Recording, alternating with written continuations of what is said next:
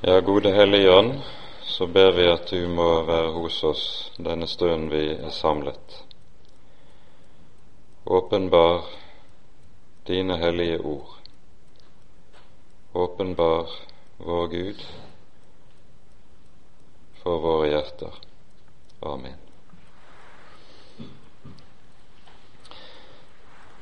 I, eh, under det hovedtemaet som uh, årets sommerstevne har, 'Hvem er Gud?', så eh, kommer også denne timen vi har sammen i dag, eh, der tittelen på det vi skal være sammen om, altså er en Gud som den hellige Gud.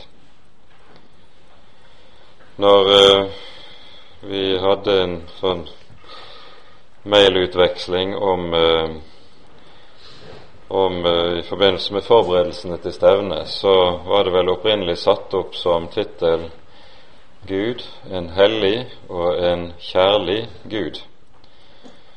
Og så kom det innsigelser mot dette fordi det ble anført noe som er ganske riktig, at uh, denne måten å inndele på lett fører til at man tenker om slik at det er to så å si atskilte sider i Gud som kanskje delvis står hverandre nesten står hverandre imot eller er i strid med hverandre. Eh, slik er det jo av og til man også kan høre eh, budskapet om lov og evangelium fremlegges, slik at vi eh, litt skjematisk eh, tenker som så at evangeliet er åpenbaringen av Guds kjærlighet, loven er åpenbaringen av Guds hellighet. Og forenkler man ting, så er det vel ikke galt å si det slik. Men samtidig må vi også være klar over at i alt hva Gud er og gjør, så er Han hellig. Det gjelder også om hans evangelium. Slik at om evangeliet er en åpenbaring av Guds kjærlighet, så er det også slik i Den hellige Skrift at evangeliet like meget er en åpenbaring av Guds hellighet. For Gud er én. Og i sin hellighet så er Gud også kjærlighet. Så vi har dypest sett ikke lov til å adskille disse slik som vi kanskje av og til gjør for å gjøre det enklere for vår tanke. Gud er hellig i alt hva Han er, og i alt hva Han gjør. Og slik Bibelen også legger dette frem for oss, så er det vel faktisk slik at med begrepet hellighet så anføres det for oss hva det er som gjør at Gud er Gud, til forskjell fra mennesket, til forskjell fra skapningen. Gud er den hellige. Det ligger jo også i begrepet slik det er vi finner det i Bibelens grunntekst. De som har greie på dette, de sier det at begrepet hellig i Det gamle testamentet kommer av et ord som opprinnelig betyr å dele noe i to, slik at det blir adskilt. Når Gud er den hellige, er Han den som er adskilt i ordets absolutte forstand. For det første fra alt som heter synd, alt som ondt er, urent er. Han er den hellige i den betydning at Gud og det onde er som ild og vann. Det er noe som ikke kan eksistere sammen. Men han er også hellig i den forstand at han er atskilt fra det skapte. Skaper og skapning kan ikke blandes sammen. Som skaperen er han atskilt fra det skapte, i den forstand at han er den evig opphøyede, som er fra evighet til evighet, hvilket ikke kan sies om noe skapt. Gud er hellig. Samtidig tror vi også må, må kunne si at nettopp med Bibelens tale om den hellige Gud, så står vi overfor noe av det som det moderne mennesket og den moderne kultur har aller vanskeligst for å forholde seg til. Dette kommer til uttrykk på en rekke ulike områder som er helt sentrale i forhold til eller i møte med Bibelens budskap. Det moderne mennesket er det vi kaller for antinomistisk. Og på sett og vis så bærer dette i seg en oppfyllelse av det Den hellige Skrift sier om avslutningen av denne tidsalder. Da tales det meget om lovløshetens hemmelighet, som er virksom. Og når Antikrist males for våre øyne i Skriften, så kalles han for den lovløse, samtidig som den tidsperiode i historien der han skal geråde, er behersket nettopp av lovløshet. Og Hvorledes gjør lovløsheten, antinomismen, seg uttrykk? Den gjør seg for det første det uttrykk at den stiller seg fiendtlig til Guds hellige lov, Guds bud, og dermed også det prinsipielle i at Gud har en absolutt autoritet.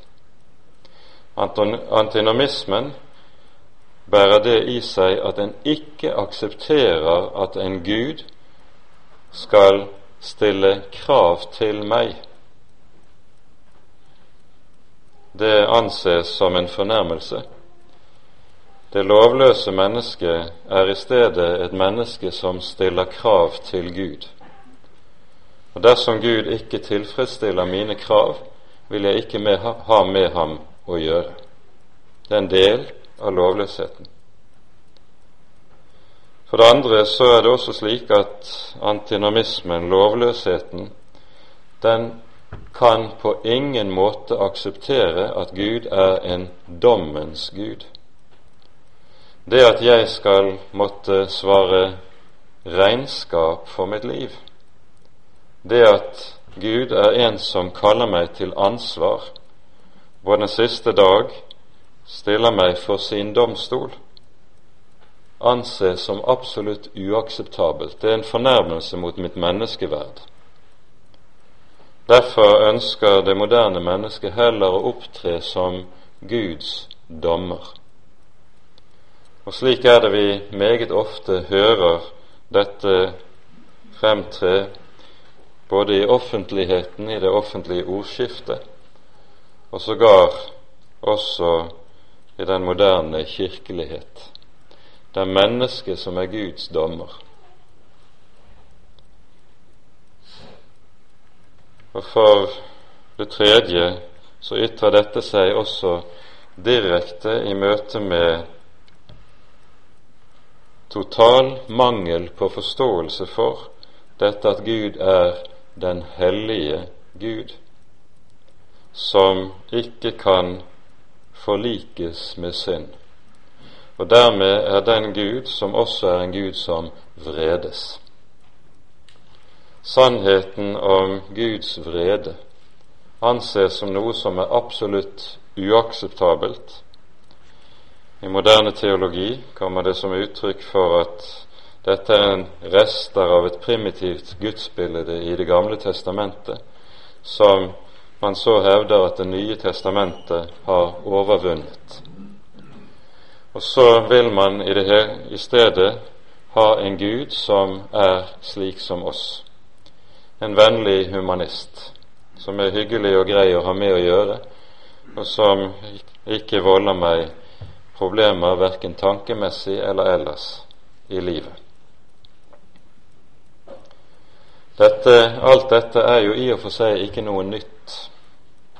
Vi møter det allerede i, tidlig i Den hellige skrift, i dette at mennesket ønsker å lage seg Gud i sitt eget bilde. At Gud er den som er radikalt annerledes enn meg, det er vanskelig å forestille seg. Og så sies det i Salme 50, der Herren går i rette med sitt folk, så lyder det i konklusjonen henimot avslutningen av salmen Du tenkte jeg var som du. Det er nettopp det mennesket ønsker. En Gud som er så som oss, og som jeg derfor også kan ha et jevnbyrdig forhold til. Han er som meg, og vi står i grunnen på like fot. Hele denne holdning til det som har med Gud å gjøre, det kommer jo på mange måter til uttrykk i den moderne kirkelighet. I den moderne fiendskap også mot Guds lov og Guds bud i den moderne forkynnelse. Fjerde bud aksepteres ikke. Femte bud undergraves. Sjette bud forkastes under påberopelse av noe man kaller kjærlighet, men som Bibelen kaller hor, og så videre, og så videre. Fortapelsen fornektes i det man hevder at evangeliet består i at Gud godtar oss slik vi er. Men det er en forfalskning av evangeliet. For evangeliet er jo ikke dette at Gud godtar oss slik vi er. Gud frelser oss i stedet fra hva vi er. Det er det evangeliet dreier seg om. Han elsker oss slik vi er. Han elsker oss på tross av hva vi er. Og han frelser oss fra det vi er i oss selv. Det er det evangeliet dreier seg om. Og Derfor er budskapet om Guds hellighet i Skriften et budskap som er uløselig forbundet med korset. For i Jesu kors så er det en dom over alt hva mennesket er. Når Jesus lider døden på treet, så bærer han Guds dom over all min synd, over alle mine overtredelser. Og det gjelder for hele menneskeheten i dens dyp av ondskap. Men det er like meget en dom over alle mine gode gjerninger. Korset er Guds dom over alt det jeg innbiller meg å ha av godt å vise til. For dersom jeg var god på bønn, hadde Kristus ikke behøvd å lide døden i mitt sted. Guds hellighet dømmer både mine synder og mine gode gjerninger. Så i det det med dette vises til at det er bare én vei for det falne mennesket til å finne frelse. Det er Guds egen sønn. Alt annet er forkastet. For Gud er en hellig Gud. Derfor er det også vår Herre Jesus, når han taler om etterfølgelsen, hvem som hører ham til, så taler han om korset. Først om sitt eget kors, Dere husker Matteusevangeliets budskap om hvorledes disiplene etter å ha bekjent Jesus som Sias, den levende Guds sønn, så begynner Jesus umiddelbart etter dette å tale om hva slags Messias han er. Det er nødvendig at menneskesønnen lider, korsfestes og på den tredje dag reises opp fra de døde. Og så kommer det etterpå dersom noen vil følge etter meg, da må han hate sitt eget liv og ta opp sitt kors. Den som ikke mister sitt liv i denne verden, er meg ikke verd men den som mister livet for min skyld, han skal finne det. Korset er dommen over meg og mitt, ikke bare det jeg kaller synd i moralsk forstand, men også mine beste gjerninger. Alt mitt er forkastet. Når Skriften taler om Gud som den hellige Gud, så henger dette derfor også uløselig sammen med hvorledes Skriften taler om hvem vi er, nemlig etter fallet. Og det er nettopp det at vi er som vi er etter fallet, som også gjør det så utrolig vanskelig for det falne mennesket å akseptere at Gud er som Han er. Og her ligger kollisjonen. Her ligger konflikten. Går vi til beretningen om syndefallet, så husker vi den i grunntrekk. Det begynner med slangens 'Har Gud virkelig sagt'? For når den ånde skal føre mennesket til fall, så skjer er dette alltid veien. Han vil undergrave og ødelegge menneskets forhold til Guds ord.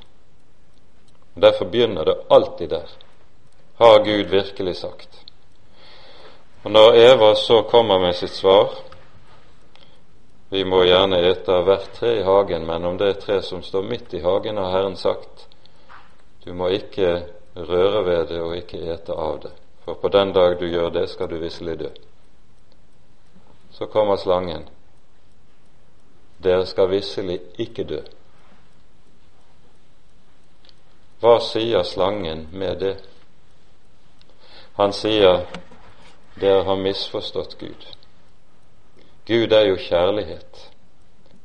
Og dere må ikke tenke som så at Gud kan være så slem at det skal få slike onde konsekvenser om dere forgriper dere på en slik ting.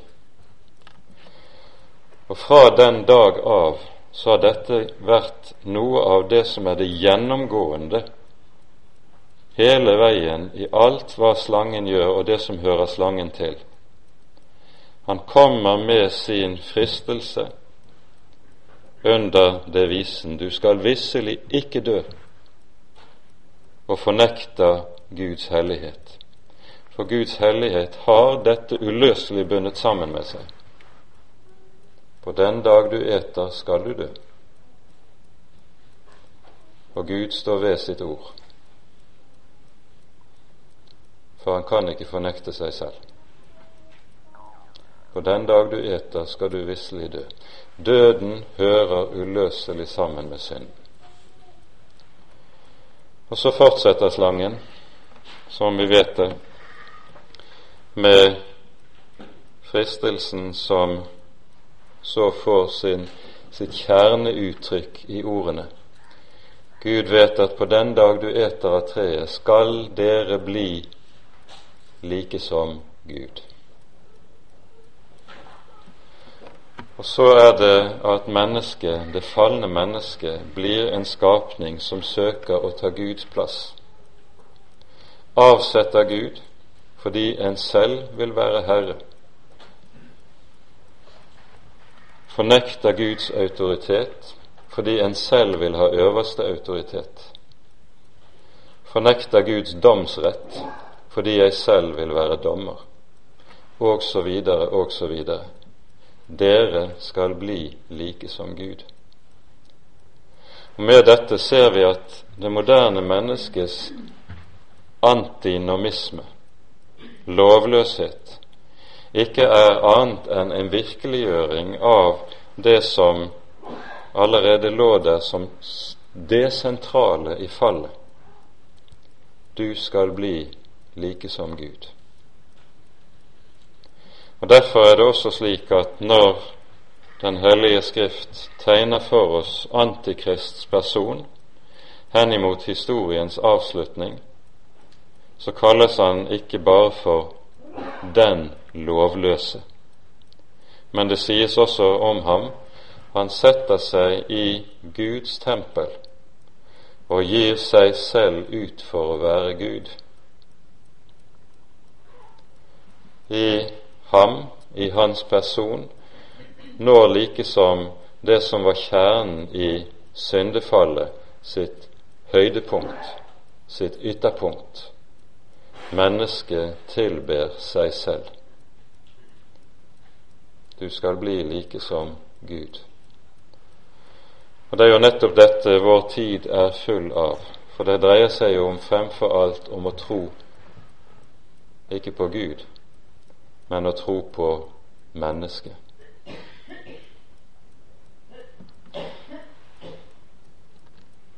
Jeg kan ikke la være å i denne sammenheng å dra inn en anekdote fra konsentrasjonsleirene under krigen. Det er en ung mann, som, eh, en ung jøde, som i møte med alt det forferdelige i konsentrasjonsleiren har mistet troen på sin Gud.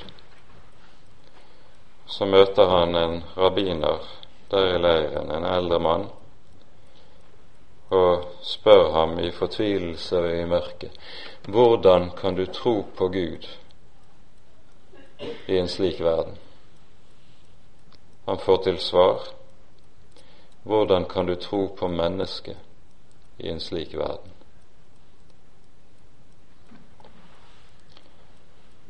Det er et svar som treffer blink.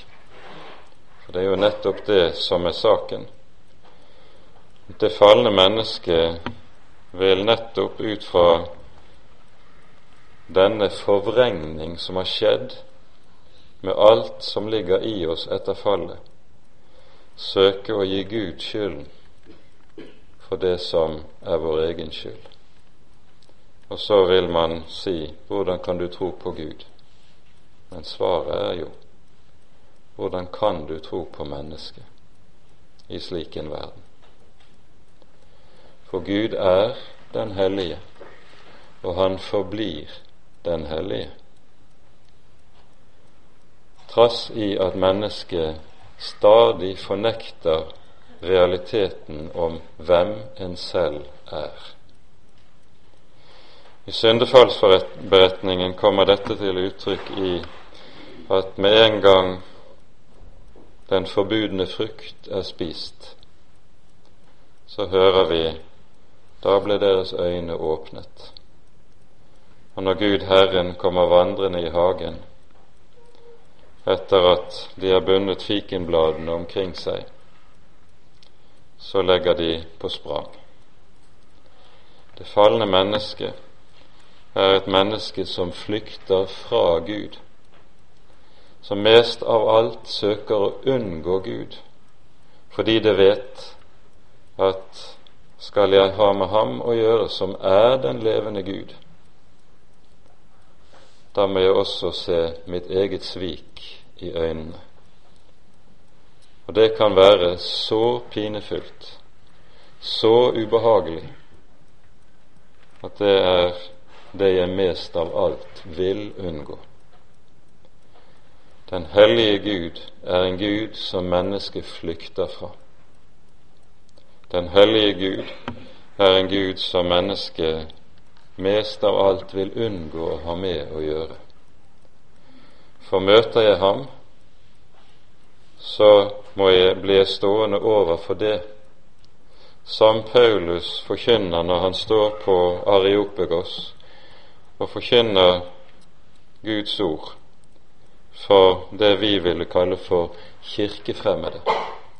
Talen i apostelgjerningene 17 er den eneste talen i Det nye testamentet som er gjengitt, og som er talt til hedninger som ikke har noen som helst kunnskap og kjennskap til åpenbaringens Gud. Hva gjør Paulus her? Han tar, forkynner om Gud som himmelens og jordens skaper. Og når han så har pekt på Skaperen, så har han dermed også gjort klart er Han din og min skaper, så er han den Gud som også har rett til å kalle meg til ansvar. Han som har gitt meg livet, har rett til å kreve det. Han som har gitt meg livet, har rett til å stille meg til regnskap. Og Derfor lyder det i fortsettelsen, etter at Paulus har talt om Herren som skaperen, så kommer det Derfor befaler nå Gud alle mennesker at de skal vende om. Og Legg merke til det uttrykket. Det sies ikke hyggelige ord om at nå ville det være greit om dere aksepterte dette som jeg sier. Men det kommer som et majestetisk Derfor befaler Gud. For hvis Gud er den hellige, og mennesket er det det er, så så er det også slik at Gud kan befale på denne måte. Og slik settes mennesket på det som er dets rette plass. Mennesket plasseres. Fra å være en som kan stå, stå der og tenke 'jeg har rett til å kreve av Gud', ble satt på den plass der Gud befaler. For med dette så er vi også inne i det som er karakteristisk når Gud åpenbarer sin hellige lov. Hvorledes er loven gitt oss, under hvilken form? Det er noe vi skal merke oss ganske nøye. Gud, når han gir budene, så sier han 'du skal'. Og han sier 'du skal ikke'. Det er en befaling der majesteten står og taler til de som er ham undergitt. Han sier ikke 'kunne du tenke deg', som om han talte til en som var jevnbyrdig. Han sier 'du skal'. Han sier heller ikke 'du må da skjønne at det er best for alle om du gjør slik eller slik'. Han gir seg ikke til å resonnere med oss for å prøve å få oss til å innse det fornuftige i saken. For vår falne fornuft strever med å innse det fornuftige i dette. Han sier 'du skal'. Ei heller gir han seg til å forhandle med det falne mennesket som om vi sto på like fot. Loven lyder du skal, du skal ikke.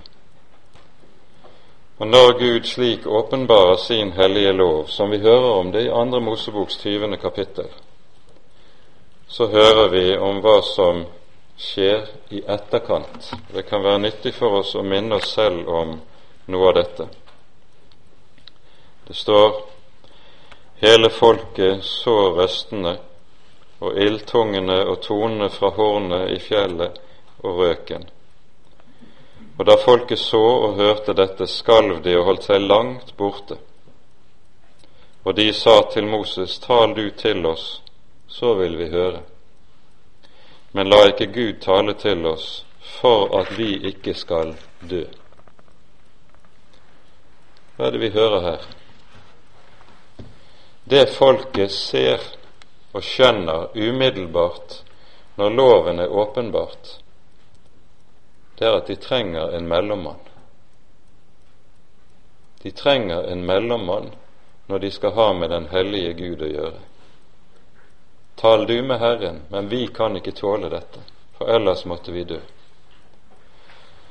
Og så fortsetter det. Da sa Moses til folket, frykt ikke. Gud er kommet for å prøve dere, og for at frykt for ham skal være over dere, så dere ikke synder. Så ble folket stående langt borte, men Moses gikk nær til mørket, der Gud var.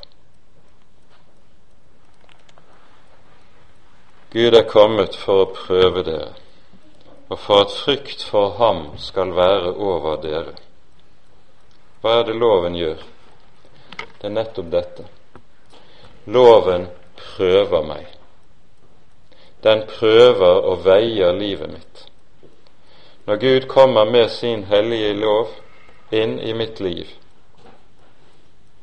så legges livet mitt i vektskålen.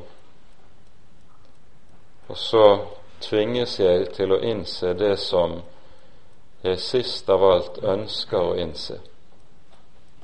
Veiet, veiet og funnet for lett. Jeg tvinges til å innse noe som er meg dypt ubehagelig. Jeg er en skyldner for den levende Gud. Og Her er det vi, vi også møter Vi får føye det til i denne sammenheng. Vi også møter noe av det mest sentrale uttrykk i Det gamle testamentet for både lov og evangelium. For her ved Sinai, når Herren kommer til sitt folk og gir dem sin hellige lov, og skaper angst og beven i folket, så nøyer jo ikke Herren seg med å stanse der. Men fortsettelsen på åpenbaringen, hva er det? Han innstifter loven om ofring, tabernaklet, syndofrene. For hva er syndofrene? Det er jo intet annet enn en gave gitt til folket, som handler om at all den synd som loven påviser, avslører, den gir han også en soning for i sin helligdom, som også skal reises. Tabernaklet, det er levendegjøringen av evangeliets budskap. Og så er lov og evangelium gitt i denne grunnform allerede i annen Mosebok. Det er viktig å være oppmerksom på. Men vi merker oss budskapet som kommer til oss her. Moses sa altså, frykt ikke, Gud er kommet for å prøve dere, og for at frykt for ham skal være over dere, så dere ikke synder. Frykt for ham.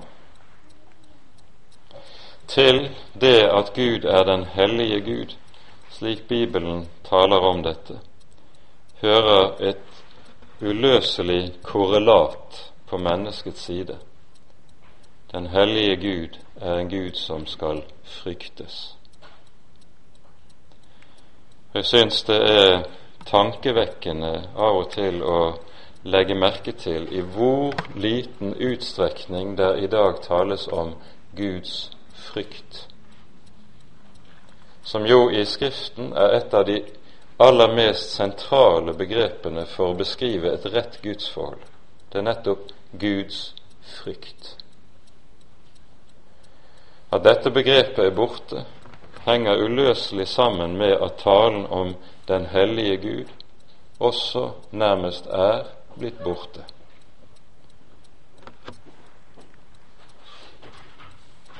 Hos profeten Malakia sies det slik til Herrens folk, i en tid som antagelig har vært ganske lik vår egen.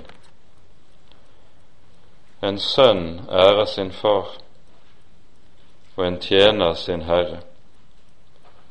Er nå jeg far, hvor er da min ære? Og er jeg herre, hvor er da frykten for meg? sier Herren herskarenes Gud. Er jeg herre, hvor er da frykten for meg? Det spørsmålet lyder også i dag. Og en gjenklang av dette møter vi ikke så rent sjelden i Salmenes bok. Det er mange salmer vi kanskje kunne hentet frem som eksempler på noe av dette. I Salme 76 hører vi Herren kalles med navnet Den forferdelige lyder det i våre oversettelser. Det hebraiske ordet som er oversatt slik, det er, kommer av et verb som betyr å nettopp å frykte. Og ordet som er oversatt 'den forferdelige', skulle vel bokstavelig vært omsatt 'den fryktinngytende'. Og nettopp dette navnet, 'den fryktinngytende', er et navn som settes på Herren i en rekke sammenhenger i vår bibel. I Salme 66 hører vi at salmen innledes som dette. Rop med fryd for Gud, all jorden. Syng ut Hans navns ære. Gi ham ære og lovprisning. Si til Gud hvor forferdelige er dine gjerninger. På grunn av din store makt skal dine fiender hykle for deg. Si til Gud, hvor forferdelige er dine gjerninger. Og så hører vi fortsettelsen av salmen. Det tales om Guds gjerning til dom og til frelse. For det er den hellige Gud som virker til dom og til frelse. Å ha med den levende Gud å gjøre, det bærer alltid dette med seg. Det bærer med seg Guds frykt, paret med Ja, paret med hva? For den som har fått del i både å se det som loven åpenbarte på Sinai, dommen over livet, men at denne hellige Gud som dømmer meg til døden, samtidig er den Gud som frelser meg fra døden, fra fortapelsen, fra mørket. Det gjør at gudsfrykten samtidig er paret med gleden og fortroligheten. Et Guds barn får lov til å rope til den hellige Gud Abba, Far. Abba er jo det lille barnets rop. Far på hebraisk det heter Av. Abba, det er pappa. Det lille barnets fortrolighet. Og så er det at vi med vår fornuft synes at disse to forhold, disse to saker, står i et spenningsforhold til hverandre. Fortrolighet og frykt. Men det gjør det ikke. For nettopp dette at Gud i evangeliet kommer til oss og gir oss rett til å kalle ham far og Abba, det henger uløselig sammen med at han er den hellige som også fryktes. Og nettopp i denne dobbelthet er det vi finner det som er det særlig karakteristiske for alt sant kristent liv. Vi møter det i en slik dobbelthet igjen i mange sammenhenger i vår bibel. Paulus i 2. Korinterbrev 6. kapittel setter ord på dette vi er som bedrøvede. men alltid glade. Vi er som de som er slått til jorden og dog lever. Vi er som fattige som gjør mange rike. Å være en kristen, det er å leve i en slik dobbelthet. Fordi den hellige Gud, han er samtidig også den frelsende Gud. Han som ga sin hellige lov på Sinai, han er den som samtidig også gir soning for all den synd som loven påtaler. Han er hellig og forandrer seg overhodet ikke. I klagesangene i det tredje kapittel så møter vi et ord som på mange måter setter karakteriserer og setter navn på hvordan det moderne mennesket tenker. Klagesangene 3.39 står, står det som følger Hvorfor klager et menneske som lever, enhver klage over sin egen synd? Under fallets vilkår og preget av fallet inn til det dypeste, inn til margen av sitt vesen, så tenker mennesket mitt grunnleggende problem er at jeg har det vondt. I møte med den hellige Gud lærer mennesket å forstå mitt grunnleggende problem er at jeg er ond. Og da blir Gud et problem. Da blir Gud farlig å ha med å gjøre.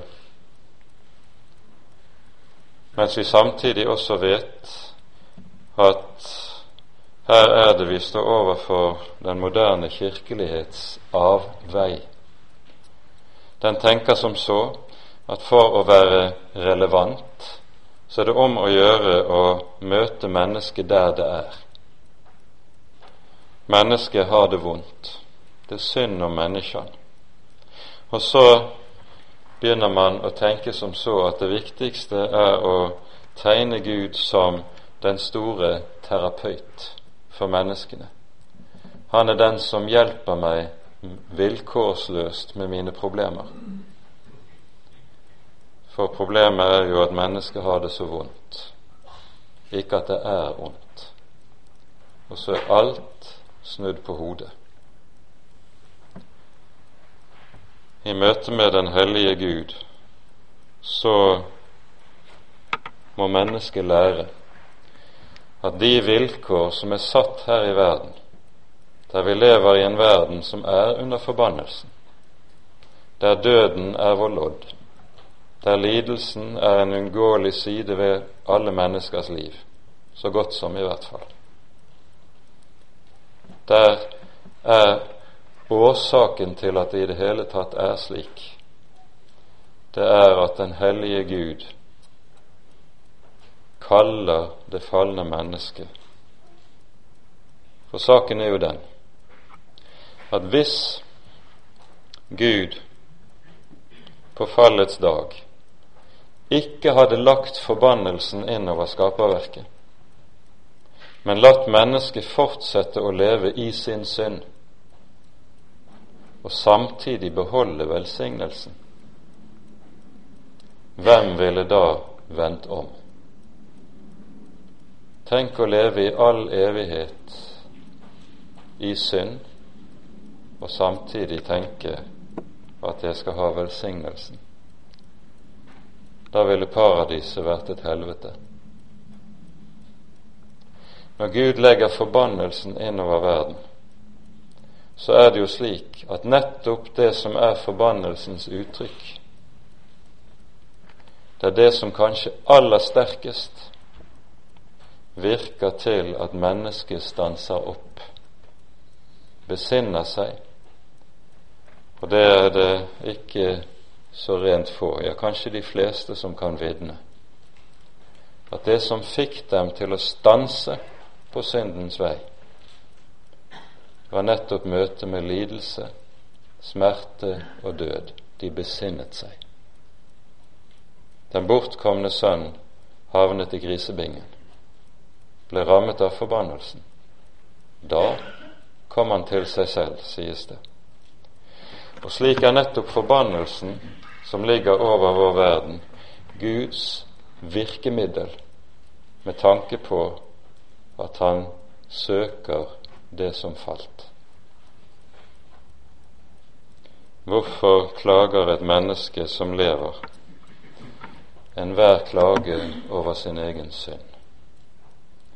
Det er dit inn Han som troner i lyset, søker å føre mennesket for at det skal bli frelst.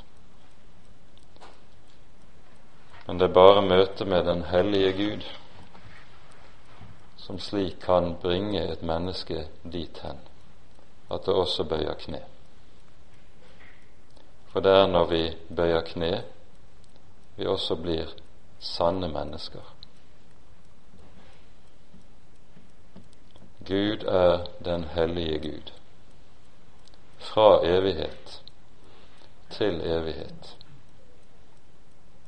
Ære være Faderen og Sønnen og Den hellige ånd som var og er og være skal en sann Gud, høylovet i evighet. Amen.